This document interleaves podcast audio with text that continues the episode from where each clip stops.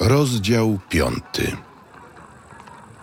Potem było święto żydowskie i Jezus udał się do Jerozolimy. W Jerozolimie zaś jest przy owczej bramie sadzawka, nazwana po hebrajsku Betesda, mająca pięć krużganków. Leżało w nich mnóstwo chorych, niewidomych, chromych, sparaliżowanych. Znajdował się tam pewien człowiek, który już od lat 38 cierpiał na swoją chorobę. Gdy Jezus ujrzał go leżącego i poznał, że czeka już dłuższy czas, rzekł do niego. Czy chcesz wyzdrowieć? Odpowiedział mu chory. Panie, nie mam człowieka, aby mnie wprowadził do sadzawki, gdy nastąpi poruszenie wody. W czasie, kiedy ja dochodzę, inny wstępuje przede mną. Wstań, weź swoje nosze i chodź. Natychmiast wyzdrowiał ów człowiek, wziął swoje nosze i chodził. Jednakże dnia tego był szabat. Rzekli więc Żydzi do uzdrowionego. Dziś jest szabat. Nie wolno ci dźwigać twoich noszy. Ten, który mnie uzdrowił, rzekł do mnie: weź swoje nosze i chodź. Cóż to za człowiek ci powiedział, weź i chodź? Lecz uzdrowiony nie wiedział, kim on jest, albowiem Jezus odsunął się od tłumu, który był w tym miejscu. Potem Jezus znalazł go w świątyni i rzekł do niego: Oto wyzdrowiałeś. Nie grzesz już więcej, aby ci się coś gorszego nie przydarzyło. Człowiek ów odszedł i oznajmił Żydom, że to Jezus go uzdrowił. I dlatego Żydzi prześladowali Jezusa, że czynił takie rzeczy w szabat. Lecz Jezus im odpowiedział: Ojciec mój działa aż do tej chwili i ja działam.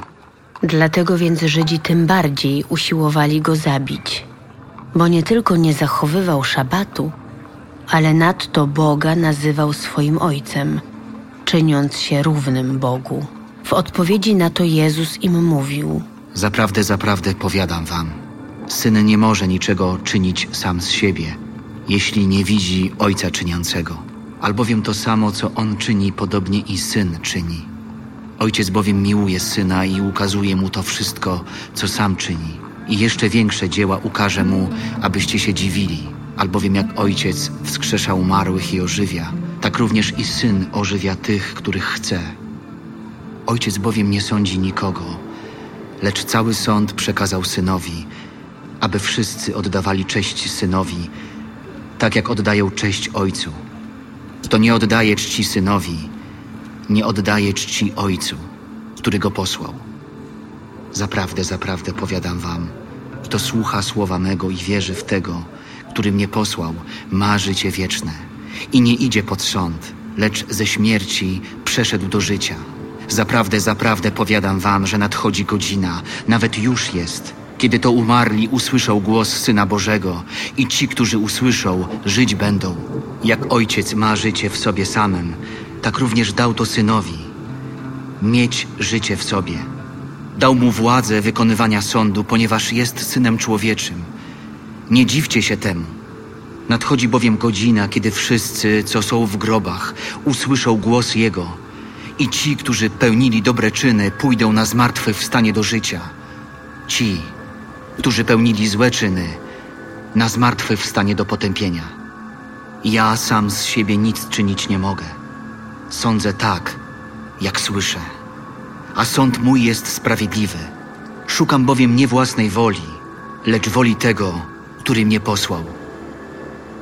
Gdybym ja wydawał świadectwo o sobie samym, świadectwo moje nie byłoby prawdziwe.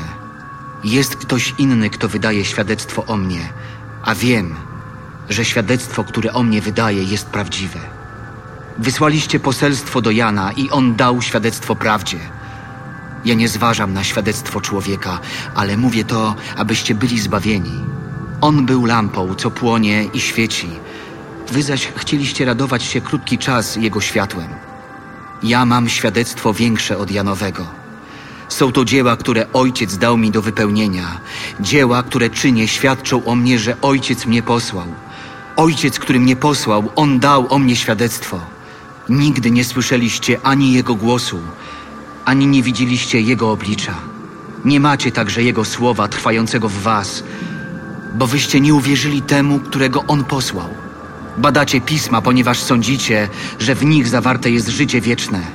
To one właśnie dają o mnie świadectwo. A przecież nie chcecie przyjść do mnie, aby mieć życie.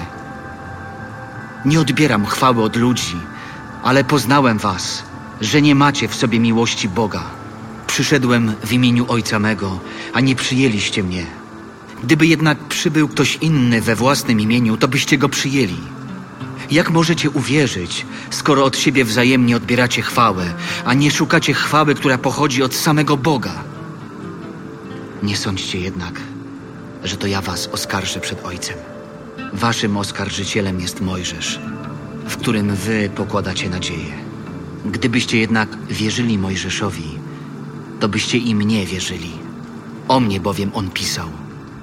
Jeżeli jednak jego pismom nie wierzycie, jakże moim słowom będziecie wierzyli?